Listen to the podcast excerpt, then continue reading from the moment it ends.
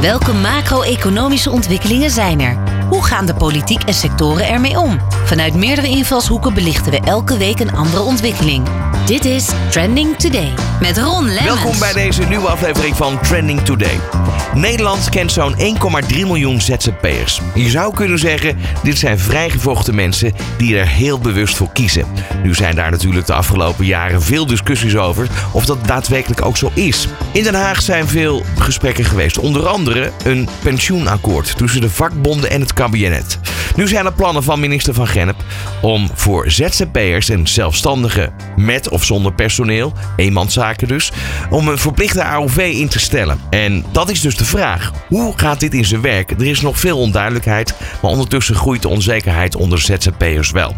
Het voorstel van de verplichte AOV-verzekering is in ieder geval niet heel royaal, want zo wordt de maximale uitkering bij arbeidsongeschiktheid zo'n 1650 euro per maand met die verplichte AOV die er eventueel gaat komen. Uitvoeringsinstantie UWV zou dit moeten gaan uitvoeren dus. Um, hierover hebben we contact gezocht met onder andere sociale zaken. Helaas hadden ze geen tijd om in deze uitzending te reageren. En ook het UWV hebben we gesproken.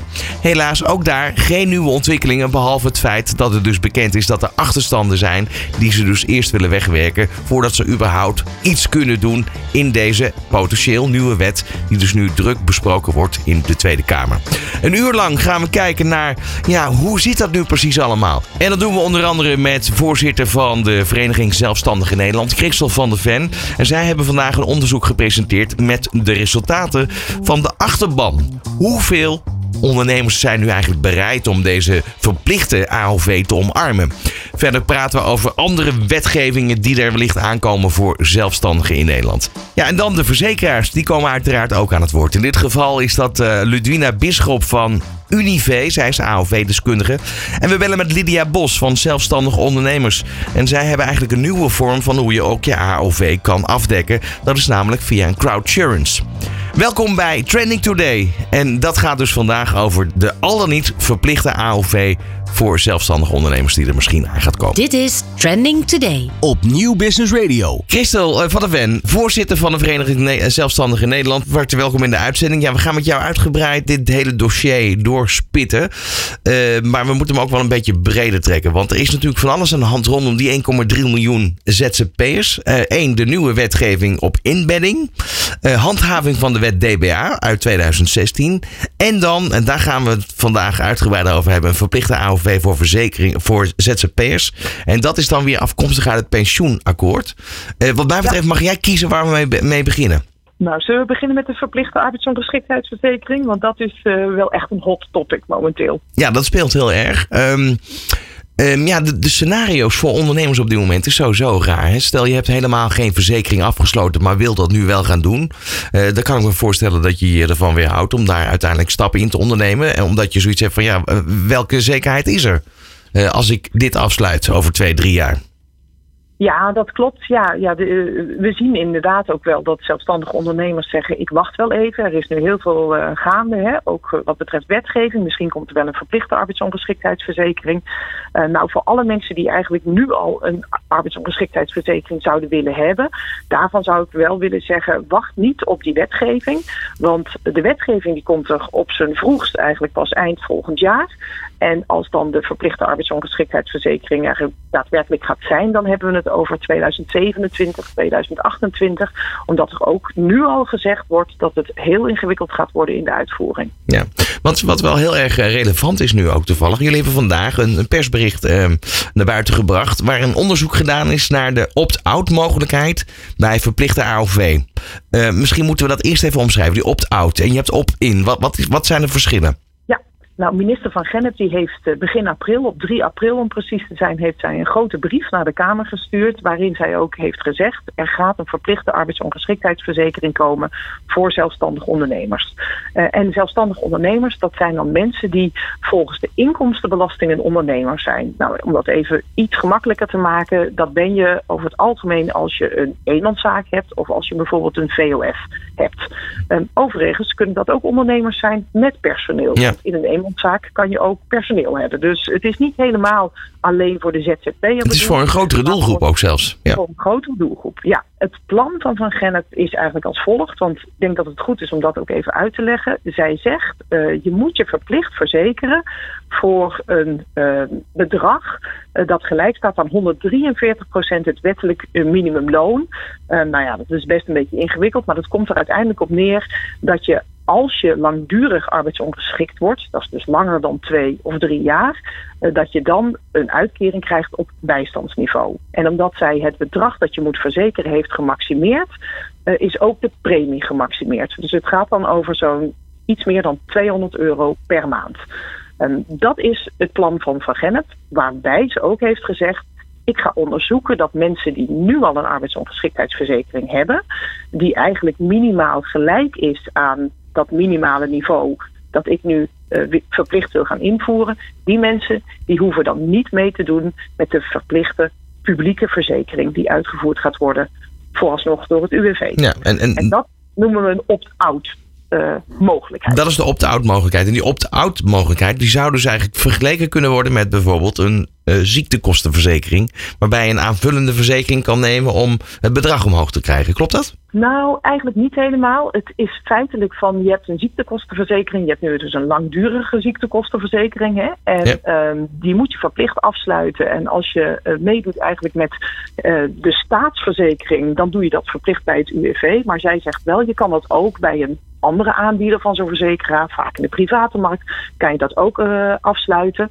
Um, en als je kan aantonen dat jij ja, daar een verzekering hebt, dan hoef je niet mee te doen met, met de staatsverzekering. En het positieve daaraan is dat je dan ook direct als ondernemer kan zeggen van ja, maar ik wil met bijvoorbeeld voor een hoger bedrag gaan verzekeren, uh, privaat. Want ja, dat bijstandsniveau uh, bedrag wat ik krijg vanuit die staatsverzekering, dat is bijvoorbeeld voor mij helemaal niet genoeg om te voldoen in mijn levensonderhoud. Dus, uh, dus het geeft je eigenlijk de mogelijkheid om meer maatwerk voor jezelf ja, te betrachten om eigenlijk een verzekering te kiezen die beter bij je past dan de staatsverzekering. Precies, dus eigenlijk als ik je zo hoor, zijn jullie uh, gematigd positief over het feit dat er een verplichte verzekering komt. Alleen dan gaat het nu over dat de keuzemogelijkheden, want daar hebben jullie onderzoek naar gedaan. Hoe kijken ondernemers daarnaar? Ja, dat klopt. Ja, wij zijn uh, inderdaad gematigd positief. Uh, we zijn vooral uh, positief omdat we vinden dat, kijk, langdurige arbeidsongeschiktheid, dat is iets waar we als mens gewoon heel graag niet over willen nadenken. We willen eigenlijk niet nadenken over dat we ouder worden en we willen al helemaal niet nadenken over het feit dat we ziek worden. Het is ook, als je het op persoonsniveau bekijkt, is het eigenlijk een piepklein risico. Hè? Er zijn maar heel weinig mensen die echt langdurig ziek zijn, waardoor ze ook bijna niet meer of helemaal niet meer kunnen werken. Maar als het je overkomt, dan is het een ongelooflijk duur risico dat je eigenlijk niet in je eentje kan dragen. En dat merk je nu ook. Hè. Als je nu een arbeidsongeschiktheidsverzekering afsluit, dan is dat ook razend duur. Dus als wij met z'n allen in Nederland uh, ja, een, verzekering, een voorziening zouden ontwikkelen waarbij we voor alle werkenden, want dat is eigenlijk wat wij voorstaan, uh, een voorziening voor langdurige arbeidsongeschiktheid met elkaar afspreken, dan dragen we met z'n allen die kosten van dat individuele kleine risico. Dus wij vinden het wel belangrijk dat we in Nederland gaan nadenken over wat doen we met de mensen die langdurig arbeidsongeschikt zijn. Wij zijn eigenlijk wel tegen de verplichting zoals de minister het nu voorschrijft, want dat is een keurslijf. Ja, en daarom vinden wij het dus ook heel belangrijk dat ondernemers de keuzemogelijkheid hebben om aan deze verzekering mee te doen. Of om iets anders voor zichzelf te bedenken. En daarin zijn we niet alleen, want dat blijkt ook uit de ledenraadpleging 94% van de zelfstandigen wil absoluut dat die opt-out mogelijkheid er komt. Ja, en um, ja, wat dat betreft, uh, daar heb je wel iets, iets, iets, iets, duidelijk te pakken. 94%, dat is enorm veel, die opt-out mogelijkheid. Uh, ja. Maar dat, dat keurslijf, dat, dat past toch ook gewoon niet bij een ondernemer, zou je zeggen? Nee, absoluut niet. Nee, nee. En dat is, uh, het, het past niet bij een ondernemer en het past al helemaal niet bij een zelfstandig ondernemer. Want we zien gewoon ook dat die groep ongelooflijk divers is. Als je ook kijkt naar onze achterban, dan hebben wij bijvoorbeeld de interim ICT-professional in onze achterban. Maar we hebben ook de nagelstylist met een eigen salon in de achterban. We hebben de yogadocenten, culturele ondernemers. We hebben de zelfstandige timmermannen en stucadoors. Dat zijn allemaal mensen met eigenlijk andere bedrijven. Ze hebben andere beroepen met andere gezondheidsrisico's. Uh, maar ze hebben ook heel vaak ook een andere thuissituatie. Dus je ziet ook wel dat zelfstandige ondernemers wel degelijk nadenken over wat gaat er gebeuren met mij, met mijn gezin, met mijn inkomen als ik niet meer zou kunnen werken. Maar je ziet wel dat mensen daarin een diversiteit eigenlijk aan oplossingen ook hebben, omdat het een hele diverse groep is. Ja. Deze wet hè, die, die is eigenlijk al eerder in, in de maak geweest. Die is er toen niet doorheen gekomen. Ehm, als je hem nu in de breedte trekt, zie je er wat meer wetgeving. En dan heb je het met name ook over de zelfstandigen. Ehm, heel veel wetgeving wordt gemaakt. Er wordt, uh, iedereen gaat erop acteren. het wordt onrustig. Verzekeraars weten niet helemaal waar ze aan toe zijn. Laat staan een ondernemer die nu net begint. Die, die weet ook niet waar hij waar, waar die het moet zoeken. Um, hoe, hoe kan de overheid dit nou eens tegengaan? Want dat maakt het wel heel onrustig ondernemen. Ja, dat klopt. Ja, het, het, het, levert gewoon heel veel onrust op in de, in de markt. Dat merken wij ook. En misschien ook nog wel even goed om aan te geven. Het is nog geen wet. Hè? Dit is een voorstel van de minister. Dat voorstel dat gaat ze nu de komende periode nog uitwerken. Uh, volgende week en over twee weken dan zijn er ook nog grote debatten in de Tweede Kamer over dit voorstel. Dan moet het nog in een wet gegoten worden. Dan moet die wet aangenomen worden door de Tweede Kamer. En vervolgens moet zo'n wet worden uitgevoerd. Dus Um, het is ook niet zo dat dit plan wat er nu ligt, dat we daar ook al van kunnen zeggen, dat gaat het zeker worden. Dat is ook wel het goede nieuws. Hè? Dus we hebben ook nog allerlei mogelijkheden om dat te beïnvloeden en om ervoor te zorgen dat het beter wordt. Ja, want met andere woorden, er zijn nog steeds gesprekken tussen uh, ja, de lobbypartijen en, en de, de, de overheid. Absoluut, absoluut. Ja. ja. En dat is ook precies de reden waarom wij een achterbanraadpleging doen.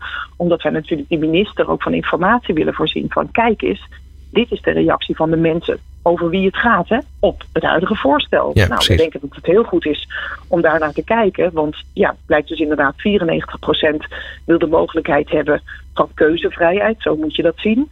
Maar maar liefst 72% van de zelfstandige ondernemers is überhaupt tegen het plan voor een verplichte arbeidsongeschiktheidsverzekering voor alleen zelfstandige ondernemers. Ja, en dan heb je het dus nog niet over de betaalbaarheid, want daar is ook naar gekeken. Daar eh, 85% van de zelfstandigen staat betaalbaarheid eh, van een eventuele verplichte AOV voorop. Um, dat heeft misschien ook wat te maken met de hoogte van de uitkering die daaraan vastzit. Uh, als je heel jong begint met verzekeren, heb je eenmaal minder premie af te dragen. Dus dan ben je sowieso uh, veel duurder uit. Uh, maar daar komt dan uit maximaal 100 euro per maand betalen voor zo'n verzekering.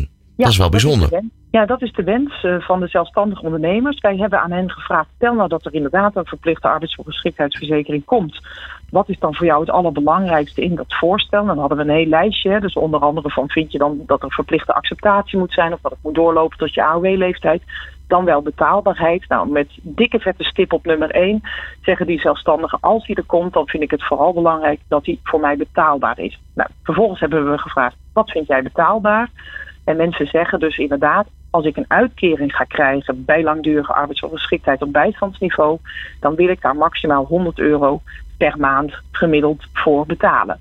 Daar zit wel een beetje verschil in, want we hebben gekeken naar het inkomstenniveau van de ondernemers. En dan zie je dat de ondernemers die momenteel minder dan 35.000 euro op jaarbasis verdienen, uh, dat die inderdaad uh, nog meer waarde hechten aan betaalbaarheid en die 100 euro. Naarmate mensen meer geld verdienen met hun ondernemerschap, zijn ze ook al bereid om wat meer te betalen. Maar ja, het gemiddelde ligt dus op 100 euro per maand. En dat is dus de helft van het voorstel van de minister. Ja, dat... Um, nou is het wel zo dat het is een duur risico.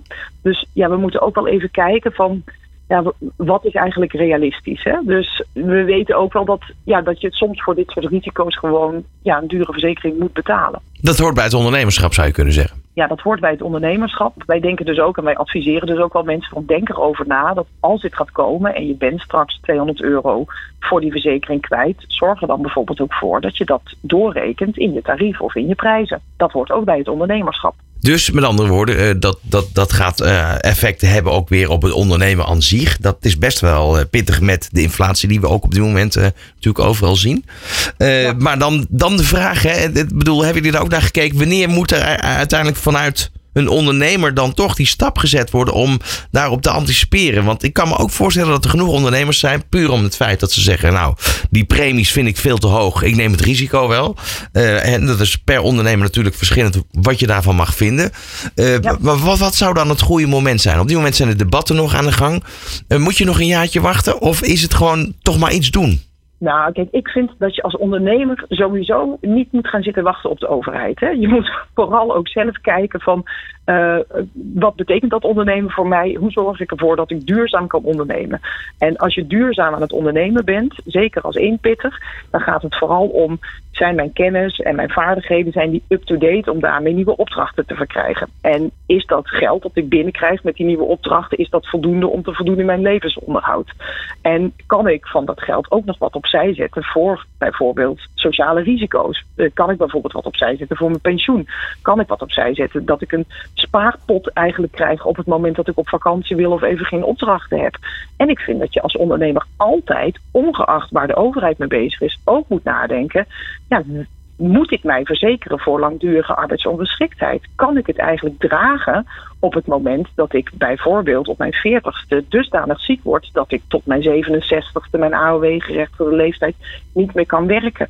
Dat zijn allerlei ondernemersbeslissingen die passen bij duurzaam ondernemen en die je als ondernemer eigenlijk altijd met regelmaat voor jezelf moet beoordelen. En daar moet je gewoon besluiten over. Ja, want, want eigenlijk uh, het, het meest uh, duidelijke scenario is op het moment dat je dat niet doet, dan val je helemaal terug naar bijstandsniveau dan val je helemaal terug naar bijstandsniveau. Ja, en uh, niet alleen dat, je krijgt pas bijstand in Nederland als je echt alles wat je al hebt, hebt opgegeten. Hè? Dus dan ben je je spaargeld kwijt, je huis, van alles en nog wat. En dan krijg je pas bijstand. Ja. Het, het, het verschil tussen bijstand en deze verzekering is dat, uh, dat je dat bij zo'n langdurige arbeidsongeschiktheidsverzekering niet hoeft te doen. Ja. Dus dan hoef je niet meteen je huis uit, je hoeft niet meteen al je eigen buffers op te eten. Wel een scenario voor ondernemers. Ik bedoel, wordt daar voldoende over gesproken met ondernemers? Hebben, hebben ondernemers dit door? Um, nou, wij merken wel ook gewoon bij VZN dat er ook vanuit ondernemerszijde heel veel uh, ruis op de lijn is. Dus dat de minister nog niet heel goed heeft gecommuniceerd over dit voorstel. Er zijn bijvoorbeeld ook heel veel mensen die denken dat de verplichte verzekering 600, 700 euro per maand gaat kosten. Omdat dat de bedragen zijn die zij hebben gehoord van bijvoorbeeld een private verzekeraar waar ze ooit eens een arbeidsongeschiktheidsverzekering bij hebben afgesloten of wilden afsluiten. Um, dus er is best wel veel um, ja, onduidelijkheid, ook nog wel bij ondernemers over dit voorstel. Um, dus ik vind dat de minister daarin ook in, haar communicatie echt wel wat steken heeft laten vallen. Um, dus dat is inderdaad wel, wel ja, belangrijk om met elkaar ook op poten te zetten. En ook het feit dat het nog geen wet is, maar dat het dus een voorstel is wat nog uitgewerkt moet worden in een wet. En dat daar ook nog een heleboel in kan veranderen. Dus in die zin ja, hebben we nog wel wat te doen met elkaar. Ja. Straks gaan we het verhaal horen van de, namens een verzekeraar. Uh, dat is Ludwina Bisschop van Unive. Uh, haar kijkt erop, ook namens de verzekeraars. En uh, met jou wil ik zo meteen het hebben over eh, ja, die andere twee zaken... die het voor zelfstandigen ook wel onduidelijk maakt... in hoe de toekomst eruit ziet. Van hippe start-up tot ijzersterke multinational. Iedereen praat mee op New Business Radio. Ja, in deze aflevering van Trending Today hebben we het over uh, ja, zelfstandige ondernemers. Met name de AOV-verzekering, uh, die wellicht verplicht gaat worden. Um, dat, daar zijn ze bij de overheid nu mee bezig. Uh, dat, dat hebben we besproken zojuist met Christel van der Ven. Die heb ik nog steeds aan de telefoon, Christel. Want er is daar nog één ding over te zeggen. En dan gaan we het over andere zaken hebben. Die ook wel ja, zeker spelen bij ondernemers. Omdat ze niet weten waar ze aan toe zijn. dat is opvallend. Um, dat, dat is eigenlijk de acceptatie hè, van die, die, die verplichte verzekering die is 100%. Uh, maar ja. nu zit dat ook best wel ingewikkeld in elkaar. Dat heeft met risico's te maken uh, van ja, wat voor beroep oefen je uit. Hè? Dus een, een, timmerman op een steiger neemt meer risico uh, met zich mee dan iemand die achter een bureau zit. bij wijze van spreken de hele dag. Um, dat is natuurlijk op zich wel goed dat die verplichte acceptatie er is.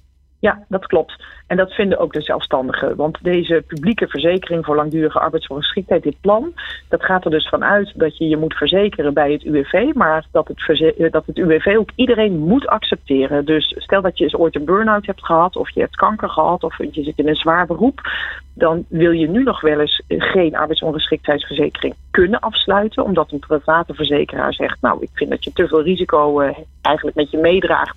Dus ik neem je niet aan. Um, uh, dat is dan verleden tijd. Ja. Nu spreek je heel veel met ondernemers. Hè? In hoeverre acht jij het, het, kennisniveau eigenlijk op dit moment bij ondernemers als het gaat om dit soort uh, scenario's, AOV-scenario? Nou ja, kijk, uh, wat natuurlijk een kenmerk is van met name de zelfstandigen, is dat ze heel graag ondernemen op basis van hun eigen specialiteit en hun beroep. Dus het zijn mensen die vaak heel erg inhoudsgedreven zijn, uh, maar niet zo heel veel zin hebben om zich echt te verdiepen of niet zo heel veel kennis hebben om zich te verdiepen in allerlei ingewikkelde wetgeving. En dat begrijp ik ook heel goed, want die wetgeving die is ook heel ingewikkeld. Uh, ik vind het wel horen bij ondernemen, dus ja, dan moet je ook nadenken over je pensioen, over je arbeidsongeschiktheid, over uh, het aanleggen van een, van een buffer, een bedrijfsbuffer bij tegenslag. Maar dat is niet iets wat uh, zelfstandige ondernemers uh, van nature echt gemakkelijk doen. En daarom zeggen wij ook altijd: laat je dan vooral adviseren. Hè. Je hebt brancheorganisaties, je hebt de Kamer van Koophandel, je hebt ook gewoon wel hele goede websites op internet. Um, maar ja, je moet er wel voor zorgen dat je ook je kennisniveau op dit vlak uh, op peil hebt. want het is wel belangrijk. Exact. Um, tot zover dit verhaal. Dan andere verhaal. Um, en dat, dat zie je ook bij ZZP'ers. Dat brengt veel onrust met zich mee. In 2016 kwam de wet DBA. Uh, met andere woorden, um, daar moesten contracten gemaakt worden met opdrachtgevers. En dat, uh, dat had allerlei uh, ja, restricties om zich heen. Wet is nooit echt uitgevoerd. Er zijn heel veel ZZP'ers bij veel bedrijven ook gewoon eigenlijk geweerd. Uh, ja. Uiteindelijk bleek die er niet te komen. Uh, nu speelt dit verhaal weer op. Dus met andere woorden, het is een gebed zonder end. Ja, het is absoluut een gebed zonder end. Alhoewel uh, ja, de minister nu wel weer een aantal nieuwe paragrafen aan dat gebed heeft toegevoegd. Maar wij vragen wel af of dat dan uiteindelijk ook tot een einde gaat komen. Ja, de, de paragraaf is onder andere de wetgeving op inbedding. Kan je daar iets, iets meer over vertellen? Ja, ja die wet DBA, dat is een wet waarbij je eigenlijk kunt zeggen. Um, die maakt helder wanneer je kunt werken als een werknemer en wanneer je kunt werken als een zelfstandige. Maar je gaf het zelf al aan, die wet DBA die is eigenlijk heel erg onduidelijk. Dus uh, die wet werd ingevoerd, aangenomen en meteen werd gezegd, ja die is eigenlijk zo onduidelijk, die kunnen we niet handhaven. Toen heeft uh, de toenmalige minister, die heeft direct de handhaving van die wet opgeschort. Nou, het heeft voor heel veel gedoe en gedonder in de markt gezorgd. Um, maar die wet die bestaat nog steeds en de minister doet nu een nieuwe poging om eigenlijk de arbeidsrelatie, de kwalificatie van de arbeidsrelatie duidelijker te definiëren. En ze heeft iets nieuws gevonden. Ze heeft namelijk ontdekt dat naast eigenlijk gezag, waar bijvoorbeeld naar wordt gekeken, en loon in een huidige arbeidsrelatie, dat we ook zouden moeten gaan kijken naar of een werkende is ingebed in een organisatie. Met andere woorden, um, zij heeft het plan om een wetgeving te gaan ontwikkelen waarbij mensen die taken uitvoeren die horen tot het primaire proces van een organisatie, dat die mensen dat eigenlijk alleen maar kunnen doen als werknemer en niet als zelfstandige. En dan moet je bijvoorbeeld denken, dat is ook het voorbeeld wat heel vaak wordt genoemd, dat je als verpleegkundige aan het bed dat alleen als werknemer zou kunnen doen. Of dat je als docent voor de klas dat alleen als werknemer zou kunnen doen en niet als zelfstandige. Hoe, gaan ze dan kijken? Bijvoorbeeld, wat je ook ziet, er zijn veel zelfstandigen onder de, in de bouwwereld bijvoorbeeld. Um, uh, die, die, die brengen ook een, een primair proces met zich mee. Het bouwen, het verbouwen. Uh, ja. Dan wordt het wel erg complex, lijkt mij uh, in dit geval zeer complex. Want er wordt bijvoorbeeld nu ook al gezegd: ja, wat nou als je, de, als je dat als je als eenpitter bijvoorbeeld aan particuliere diensten levert? Ja, dan ben je je eigen primaire proces, dan ben je je eigen kleine bouwbedrijf. Maar bijvoorbeeld ook, um, stel dat jij ICT'er bent bij een bank. Ja, ICT is volgens mij inmiddels een primair proces bij een bank. Of toch weer niet. Dus je merkt gewoon al dat het super ingewikkeld wordt. En ja, jij maakt radio. Ja, dan zou je kunnen zeggen, nou de presentator is het primaire proces. Maar alle technici en bijvoorbeeld de mensen die ervoor zorgen dat er een goede studio is, ja, die behoren ook allemaal eigenlijk tot het primaire proces. Dus wij denken dat dit echt een heilloze weg is. Dat dat in plaats van wat de minister denkt, meer duidelijkheid gaat geven. Dat het uiteindelijk gewoon nog voor veel meer onduidelijkheid uh, zal gaan, uh, ja, dat het daartoe zal gaan leiden. Dus wij vinden ja, dat ze die route van inbedding nader definiëren, dat ze die gewoon helemaal niet uh, verder moet gaan uitwerken. Heilloze weg mee stoppen. Ja. Maar goed, de wet handhaving DBA, de kans dat die er gaat komen nu in 2025, die is wel degelijk aanwezig. Die handhaving, ja. hè, die komt dan in handen van de Belastingdienst? Ja, die komt in handen van de Belastingdienst. Uh, de minister heeft aangekondigd dat zij daadwerkelijk wil gaan handhaven. Uh, op zich is dat denk ik ook niet verkeerd. Want ja, nu zien we ook wel dat zeker aan de onderkant van de markt... dat er ook wel een aantal situaties zijn ontstaan... doordat er niet werd gehandhaafd... waarvan je je wel degelijk kunt afvragen van... ja, zijn dat nou mensen die inderdaad als zelfstandig ondernemer aan het werk zijn? Uh, dus op zich staan wij helemaal niet echt negatief tegenover het oppakken van handhaving. Wij zeggen wel van doe dat dan vooral gewoon in risicosectoren waarvan gewoon al allerlei aanwijzingen zijn dat er misschien wel geen sprake is van zelfstandig ondernemerschap. Ga daar dan op handhaven uh, en kondig dat goed van tevoren aan. En wees bijvoorbeeld ook heel erg eerlijk en transparant van dat je bijvoorbeeld gaat handhaven, maar dat je bijvoorbeeld nog geen boetes oplegt. Hè? Want anders krijg je weer gewoon heel veel paniek in de markt, zoals we die bij de start van de wet DBA ook weer hebben gezien. En dat moeten we echt zien te voorkomen. Ja, en dat is ook de reden eigenlijk waarom we deze uitzending maken. Het, is alom uh, heel onrustig onder ondernemers, omdat er weer van alle handen uh, ja, wetten bedacht worden, wel dan niet uitgevoerd worden. Um, hoe, hoe, kijken jullie daarna en hoe, hoe wordt daarover gesproken in Den Haag uh, met politici? Ja, dat vind ik echt een doorn in het oog. Want wat hier als een rode draad eigenlijk steeds onder ligt, is dat er momenteel een ontzettend anti-ZZP-sentiment rondgaat in Den Haag, met name. Ehm, en wij vinden het ook heel erg verschrikkelijk dat er steeds dezelfde voorbeelden maar worden genoemd. Hè. Dus uh, de draaideurconstructie van je gaat op vrijdag uit dienst en je gaat op, op maandag weer als ZZP'er precies bij je eigen collega's voor vijf dagen in de week uh, aan de slag.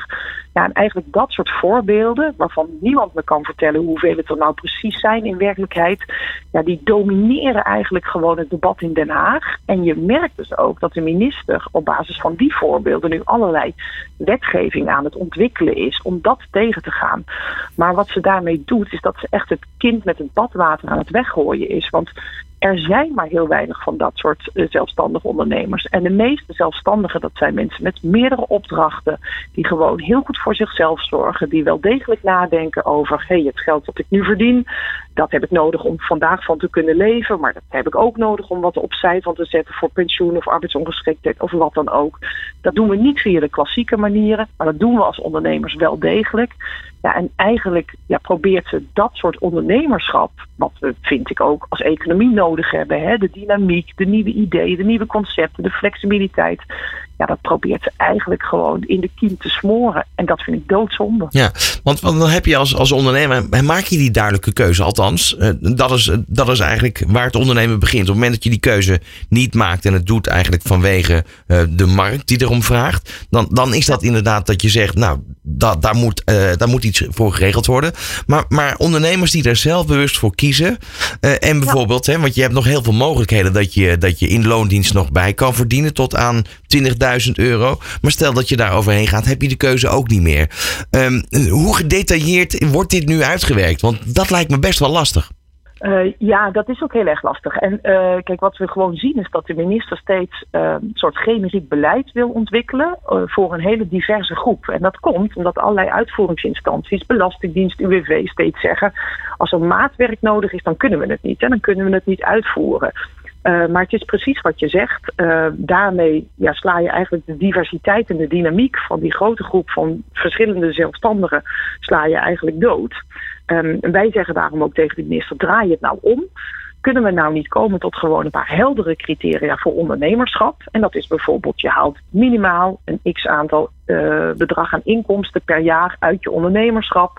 Uh, je kunt bijvoorbeeld aantonen dat je een bedrijfsbuffer hebt van waaruit je je ondernemers en je sociale risico's zelf op je eigen manier kunt afdekken. En misschien zou je ook wel eens uh, wat eisen kunnen stellen aan. Je moet bijvoorbeeld meerdere opdrachtgevers hebben of je mag niet veel langer dan uh, x aantal maanden of een, aan een opdracht werken. als je dat doet, dan kunnen die ondernemers namelijk zelf bedenken van hé, hey, ik wil heel graag als zelfstandige willen blijven werken. Wat moet ik dan aanpassen in mijn ondernemerschap om aan deze ondernemers ondernemerscriteria te blijven voldoen. Ja. En wat we daarmee doen is dan blijven we gewoon dat ondernemerschap stimuleren. En dan hebben we niet allerlei ingewikkelde wetgeving nodig om eigenlijk mensen steeds maar weer langs de meetlat van werknemerschap te leggen. Want dat is natuurlijk wat de politiek momenteel vooral doet. Ja, en eigenlijk voorheen had je de VAR, hè, de VAR-verklaring, die elk ondernemer moest kunnen aantonen meerdere opdrachtgevers meer dan drie te hebben. Eh, die is afgeschaft, daar is de wet DBA voor in plaats gekomen. Hadden ze die niet beter gewoon kunnen handhaven? Nou ja, ik vind het eigenlijk een heel goed initiatief. En uh, ik denk ook dat dat enorm zou helpen. En dan zouden we misschien ook nog wel wat extra eisen daaraan kunnen stellen. Hebben. Dat je bijvoorbeeld als ondernemer één keer per twee jaar moet aantonen. En ook gewoon een aantal documenten moet overleggen. Dat je wel degelijk voor eigen rekening en risico aan het ondernemen bent. Dat je dan een ondernemersverklaring krijgt waarmee je de weg op kan. Dat geeft ook opdrachtgevers de zekerheid dat ze met een ondernemer van doen hebben. Um, en daar zou je ook wel op kunnen handhaven. Dus dat is nou precies een voorstel wat wij inderdaad ook aan Tweede Kamerleden hebben voorgelegd. Als alternatief op de plannen van Van. Ja, we gaan het allemaal zien. Wanneer denk jij eigenlijk dat er duidelijkheid gaat komen? Nou, er komt wel steeds meer. Elke maand uh, komt er steeds meer duidelijkheid. De komende weken gaan er dus twee belangrijke debatten plaatsvinden in de Tweede Kamer. Eentje over het brede arbeidsmarktbeleid en eentje over specifieke ZZP-zaken. Um, de minister heeft gezegd dat zij voor de zomer weer komt met een verdere uitwerking van haar plannen ten aanzien van inbedding en ten aanzien van die verplichte arbeidsongeschiktheidsverzekering. Um, en dan moet uiteindelijk volgend jaar moet het uiteindelijk eh, terecht gaan komen in concrete wetgeving die dan ook door de Tweede Kamer geloodst moeten worden. Dus ja, dat is een beetje het tijdspad uh, waar we nu naar kijken. Ja, spannende tijden, maar in die tijd uh, in ieder geval veel werk aan de winkel als het gaat om het, uh, het communicatievraagstuk, wat er wel degelijk ligt. Ja, absoluut. Ja. Dankjewel, Christel van der Ven, voorzitter van de Vereniging van Zelfstandigen. En ik denk dat we elkaar het komende jaar nog wel een keer vaker zullen spreken hierover. Dat denk ik ook. Dit is New Business Radio. Je luistert naar Trending Today op New Business Radio, waarin vandaag dus de zelfstandige ondernemer staat die wellicht dus straks met een verplichte arbeidsongeschiktheidsverzekering moet komen. We spraken net al Christel van der Ven van de Vereniging Zelfstandige Nederland. En we gaan nu kijken naar de kant van de verzekeraars. Want hoe reageren zij op de plannen van de minister, minister van Gennep? Eh, we spreken straks met uh, Lydia Bos. Zij is van Zelfstandige Nederland. En dat is een soort van crowdsurance. Maar we kijken ook natuurlijk ook naar de traditionele verzekeraars. Aan de telefoon AOV-expert Ludwina Bisschop van Unive. Ludwina, goedemiddag. Goedemiddag Ron. Ja, uh, het is dus eigenlijk een soort van, uh, nou ja, zeg maar 360 graden reflectie waar we nu over gaan hebben. Want het is natuurlijk aan alle kanten, is er gewoon heel veel onbekend. Uh, maar we weten wel dat er iets gaat veranderen. Dat ben ik helemaal met jou eens. En Um, jij gaf net ook al aan, hè? het zijn niet alleen de ondernemers die op dit moment in spanning afwachten. Hè? Ook, ook inderdaad hè, de verzekeraars, de AOV-verzekeraars, maar ook de broodfondsen. Iedereen die faciliteiten biedt op het gebied van arbeidsongeschiktheid voor ondernemers, zit op dit moment in een soort van ja, wachtstand. Wat gaat er gebeuren en hoe kunnen wij hier ook het beste op inspelen, zodat ondernemers straks nog steeds gewoon goed verzekerd kunnen zijn? Ja. En um, dat, dat is dus denk ik voor jullie net zo moeilijk als voor de ondernemer zelf. En laten we dan toch even met die ondernemer beginnen. Want je hebt meerdere scenario's. Dus bijvoorbeeld, wat als ik er nu een AOV nodig heb? Uh, maar je weet, er komt een verplichte regeling. Uh, misschien moeten we die regeling nog eventjes erbij pakken. Uh, dat zou dan volgens de overheid straks een één jaar wachttijd zijn. Met minimumloon als uitkering. En de uitkerende instantie moet het UWV zijn. Waarvan nu bekend is dat ze eerst heel veel achterstanden moeten wegwerken. voordat ze dit er überhaupt bij kunnen doen. Ja, Klopt, inderdaad. Nou kijk, als je nu als ondernemer zeg maar rondloopt met de gedachte om iets te regelen voor je arbeidsongeschiktheid, want je hebt het op dit moment nog niet, en je, je, je twijfelt, want die verplichte verzekering komt er natuurlijk aan, wat moet je dan doen? Ja, weet je, mijn advies zou zijn, wacht niet. Want um, laat ik in ieder geval zeggen dat het is beter om nu alvast iets te regelen dan later en niet te wachten op die verplichte AOV. Waarom? Nou, eigenlijk heel simpel. Um, je loopt op dit moment gewoon risico. En als je ziek wordt, of je krijgt een ongeval, of er gebeurt wat. Um, uh, je bent gewoon niet verzekerd. En dat kan een behoorlijke impact hebben. Dus regel in ieder geval nu iets en ga niet wachten. De tweede reden, ook heel belangrijk. Deze verplichte AOV dit loopt al even. En het is ook al een keer uitgesteld. En natuurlijk, de geluiden worden steeds sterker en men verwacht steeds beter of zekerder dat het er gaat komen. Aan de andere kant zijn er ook nog steeds wel signalen, hè, wat jij net al aangaf, rond over het UWV en zo, van kan hij dit wel aan en uh, al dat soort zaken. Dus helemaal de, klaar is het nog niet. Dus um, het kan ook nog best wel zijn, ik wil er niet op vooruitlopen, dat het misschien toch nog wel weer wat op de lange baan komt. Of dat het toch nog wel. En als je niks regelt nu, dan is je tijd dat je onverzekerd rondloopt, wordt eigenlijk alleen maar langer als je gaat lopen wachten. Maar dan de keuze vanuit een ondernemer bekeken. Hè? Als, we, als we vanuit die kant zouden kijken, dan kan een ondernemer zeggen: Nou, ik ben net een onderneming gestart. Ehm, je kan dat geld niet helemaal missen. Dat is natuurlijk ook de reden dat dit, dit hele discussiestuk uh, is gekomen. Van nee, maar je moet gewoon zorgen dat je net als andere ondernemers of andere uh, werknemers verzekerd bent. Dus dat, dat is een helder stuk. Maar ik kan me wel voorstellen dat je denkt: van oké, maar dan ga ik een, af, een, afspraak, een contract aan voor de komende jaren. Met een partij waar ik straks niet eens mee verder kan, wellicht. Dat, dat zou kunnen. Als je in ieder geval even kijkt naar een AOV-verzekering. Moet ik trouwens wel zeggen dat die hebben over het algemeen jaarcontracten. Dus daar kun je over het algemeen wel van af. Maar ik wil wel aangeven, dat is natuurlijk niet de intentie. Want een AOV-verzekering sluit je over het algemeen voor de langere periode af. Maar dat is natuurlijk ook de spanning waar de verzekeraar op dit moment ook mee zit. En waar we ook nog tegenaan lopen, is dat het op dit moment nog niet duidelijk is um, bij bijvoorbeeld die verplichte verzekering of er nou een opt-out of een opt-in komt. En een opt-out houdt eigenlijk in dat heb je al zelf een goede regeling getroffen, um, dan hoef je niet meer te verzekeren via die verplichte AOV. Maar zou er een opt-in komen, dan wordt gewoon iedereen verplicht verzekerd, ook al heb je al een AOV. Ja, dat maakt het natuurlijk allemaal erg lastig en onzeker. Ja, maar, maar laten, zou... laten, we, laten we daar even bij stilstaan. Die opt-out, ja. zeg maar, dat is dus feitelijk dat je uh, uh, verplicht Zelf wordt om... mag regelen? Oh, dat is opt-out, ja, oké. Okay. Ja, en, uh, ja. Maar dan, dan kom je dus met het verhaal dat het ook dus kan zijn dat verzekeraars buitenspel gezet worden. Dat is de opt-in. Dat is, ja, dat is de opt-in. Nou ja, ik zou niet zeggen dat we uit uh, buitenspel gezet worden. Uh, maar dat betekent wel een hele andere manier um, van kijken naar die AOV-verzekering. Kijk, want stel je voor dat die verplichte verzekeringen komt. En er is een opt-in en iedereen moet daar gebruik van maken. Daar is geen keuze in. Dan kan het zijn, als je als ondernemer al een AOV-verzekering hebt op dit moment bij een verzekeraar, dat je denkt, ja, dan ben ik dubbel verzekerd. En dan?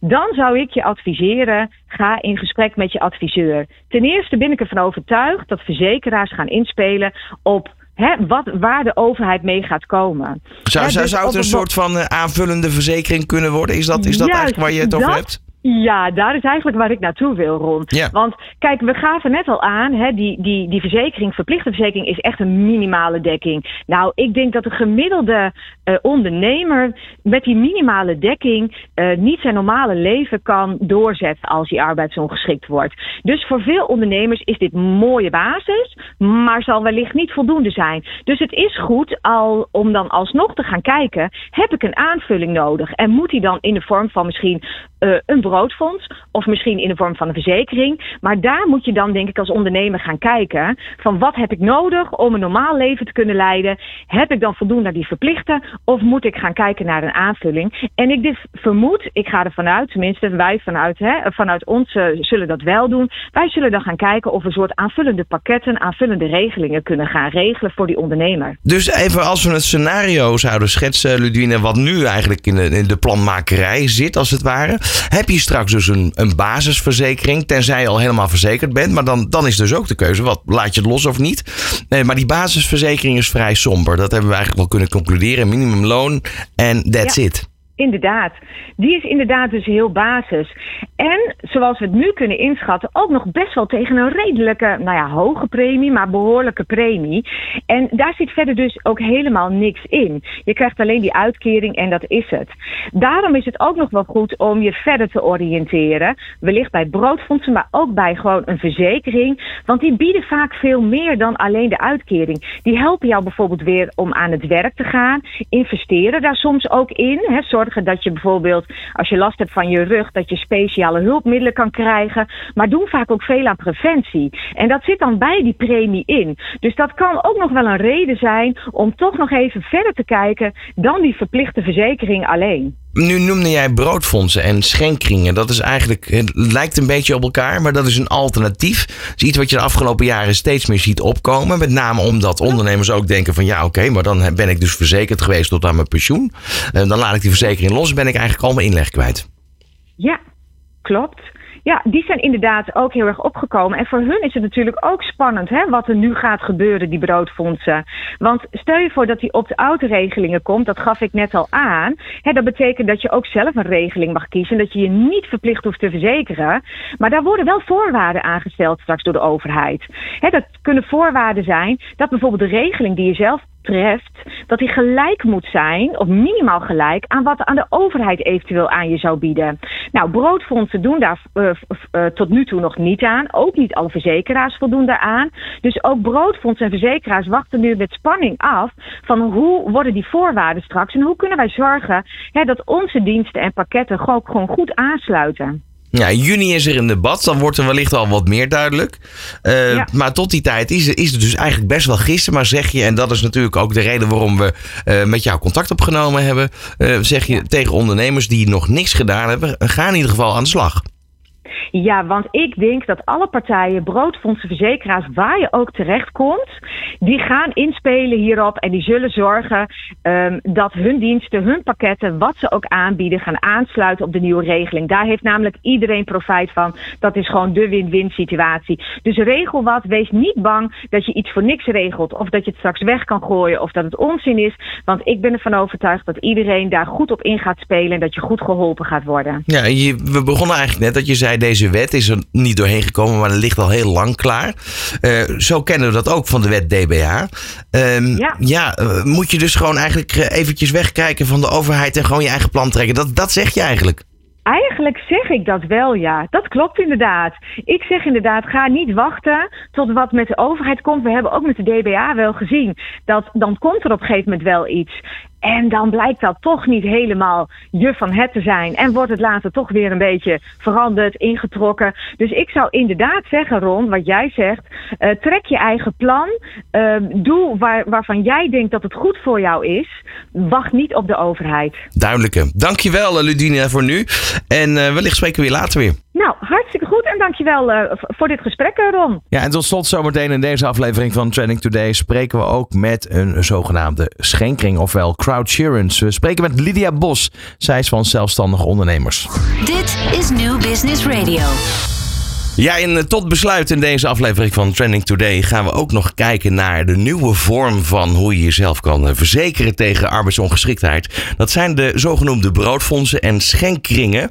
Um, die zijn eigenlijk de laatste jaren opgekomen en vaak ook uit initiatief van zelfstandig ondernemers. Aan de telefoon heb ik Lydia Bos van uh, zelfstandigondernemers.nl. Lydia, goedemiddag. Goedemiddag. Ja, um, jullie zijn zo'n zo'n schenkring eigenlijk. Hè? Want wat is nu het verschil tussen een schenkring en een broodfonds? Ja, nou, een schenkring is eigenlijk op hetzelfde principe gebaseerd als een broodfonds. Dat zelfstandige ondernemers het met elkaar en voor elkaar regelen. En zij leggen elke maand een bedrag in. En dat gaat eigenlijk in een grote pot. En vanuit die grote uh, pot worden zieke deelnemers betaald.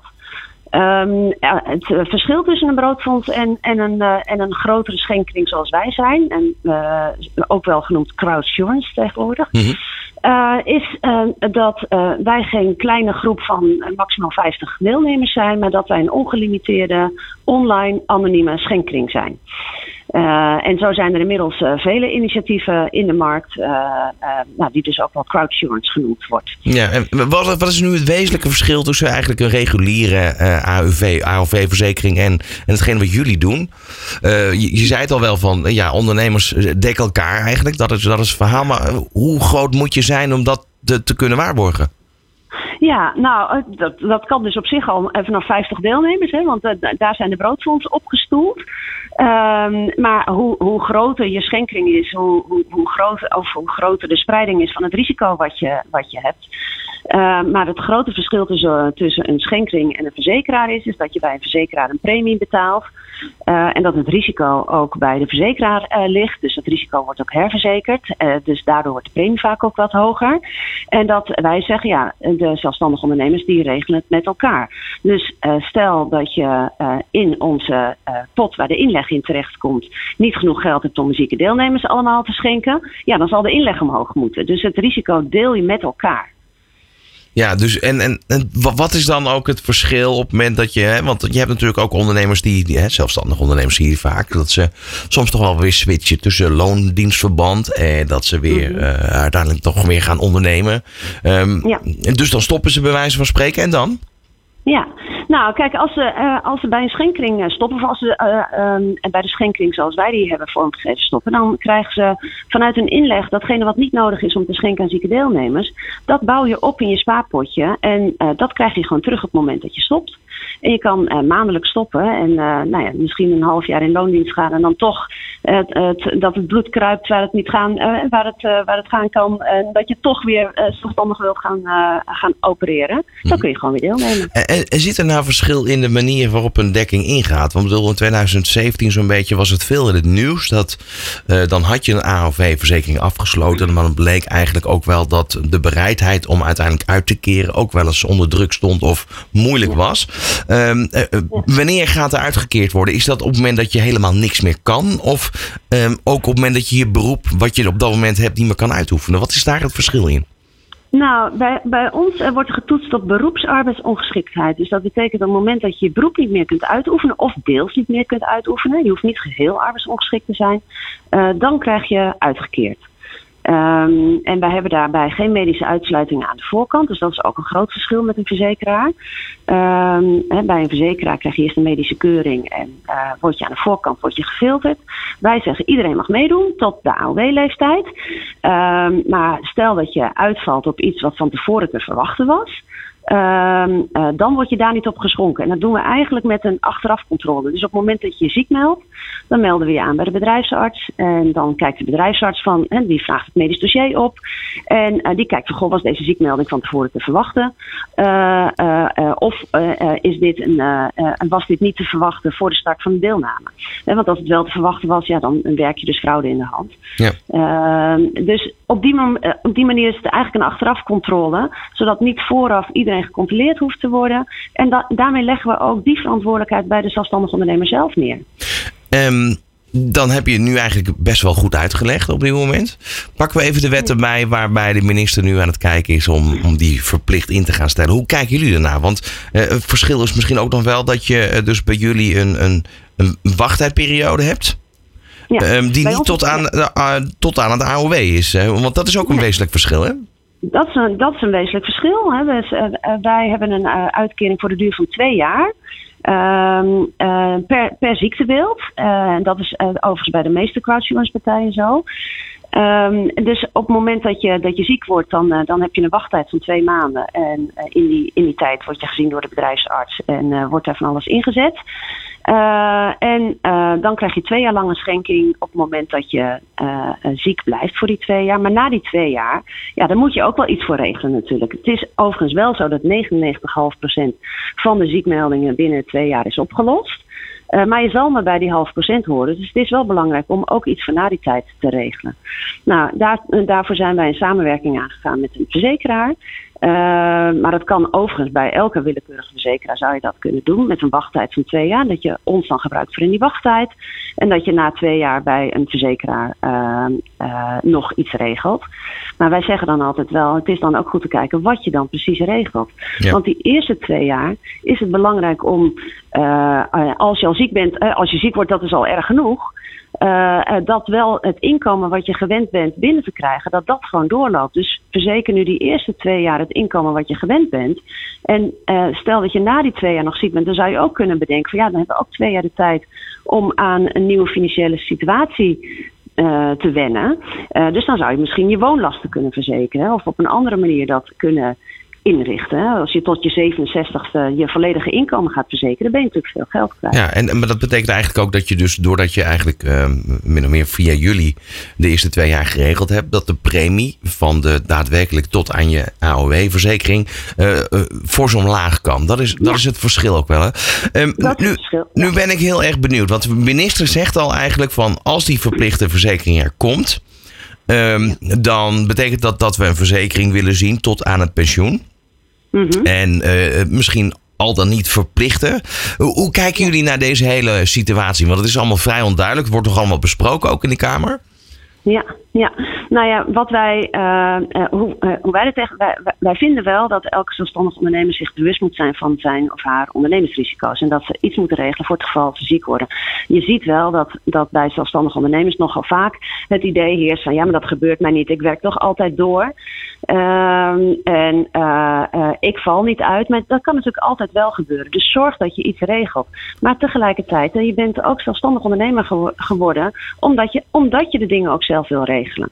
Dus, en ze kunnen dat ook prima zelf regelen. Dus die verplichting vanuit de overheid, ja, uh, die is wat ons betreft helemaal niet nodig. Want zelfstandige ondernemers weten zelf de weg wel te vinden om dit te regelen. Ja. En, uh, ofwel ze doen de eerste twee jaar af, afdekken en hebben een, een, een, een spaarbuffer voor daarna. Uh, ofwel nou ja, de constructie die ik net vertelde. Ehm, dus, dus, dus laat het ze op hun eigen manier regelen en niet met een verplichting. Ja, is ook gebleken uit een onderzoek natuurlijk, waar we het verder in deze uitzendingen eerder terug over gehad hebben, dat, dat een groot deel van die ondernemers helemaal niet zitten wachten op die verplichte nee. uh, AOV. Um, Dan een ander vraagje, want um, uiteindelijk bieden jullie die twee jaar. Um, hoe ga je dan eigenlijk om met de situatie dat er straks verplicht wordt dat het wellicht hè, tot aan de AOW uh, ja, verzekerd moet worden? Betekent dat dat jullie een onderdeel worden misschien van een ander consortium of hoe moet je dat zien? Nee hoor, wij, wij, blijven daarin gewoon, uh, wij blijven daarin zelfstandig. En je kunt altijd de eerste twee jaar bij ons blijven afsluiten. Uh, en dan voor na die twee jaar met die verplichting. Die staat overigens, nu staat wel de wachttijd op een jaar. Maar daar zijn ze nog uh, over in gesprek. Um, ja, wij vinden dat in ieder geval die wachttijd naar twee jaar moet. En dat vindt eigenlijk ook de hele branche en ook de zelfstandige ondernemers uh, die ik spreek. Uh, en laat, ze nu, en laat het gelijk lopen met de ziektewet en de WIA. Um, uh, dus dan kun je ons gewoon gebruiken voor de eerste twee jaar. En vergeet niet dat die verplichting, en die moet trouwens worden uitgevoerd door het UWV. die, die geeft zelf al aan. nou, dat, ja, die heb ik inderdaad ook, ook gesproken. Er is, ja. er is geen ontwikkeling sinds dat bekend geworden is heb ik uh, gehoord inderdaad van het UWV. Ja. Um, ja. Dus eerst moeten die achterstanden worden weggewerkt. Met andere woorden, ja, uh, dan uh, handhaven op andere zaken. bij de Belastingdienst zijn ook veel achterstanden. Met alle andere woorden. Er wordt best veel onrust eigenlijk weer veroorzaakt op dit moment. Precies. En plus die, die uh, uh, stel dat ze het wel gaan uitvoeren, dan gaat het over 70% van je laatst verdiende loon met een maximum tot het minimumloon. Dus uh, het is geen vetpot waar je dan voor verzekert. Nee, somber, ja. Ja, ja, ja. ja. dus um, ik denk dat je sowieso die eerste twee jaar wel gewoon het, het inkomen nodig hebt. Uh, uh, uh, wat je gewend bent te verdienen.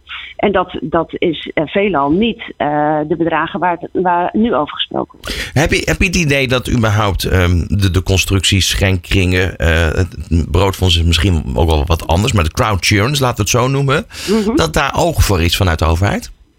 Nee, er is weinig oog voor vanuit de overheid. Maar ja, uh, uh, er komen wel steeds meer initiatieven. Die worden ook steeds groter. En er zijn steeds meer zelfstandige ondernemers uh, die zich hiervan bewust zijn dat dit ook een mogelijkheid is. En ja, je ziet ook steeds meer dat het solidariteitsprincipe, dat het met elkaar voor elkaar willen regelen, het eigenlijk het sociaal ondernemen, ehm, dat dat heel erg aanspreekt. Nou, dat is een hele duidelijke. Uh, dankjewel voor nu. We gaan het volop volgen.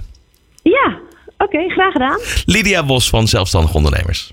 Ja, en tot zover dus deze aflevering van Trending Today. Volgende week is er weer een nieuwe uitzending vanaf 5 uur op donderdag.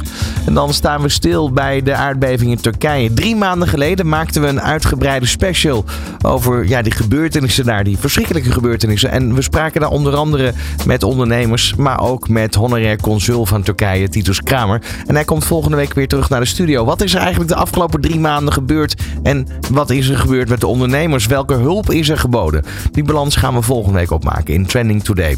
Wil je deze aflevering terugluisteren of andere afleveringen, kan dat natuurlijk via onze website nieuwbusinessradio.nl. Graag tot volgende week. Van hippe start-up tot ijzersterke multinational. Iedereen praat mee op Nieuw Business Radio.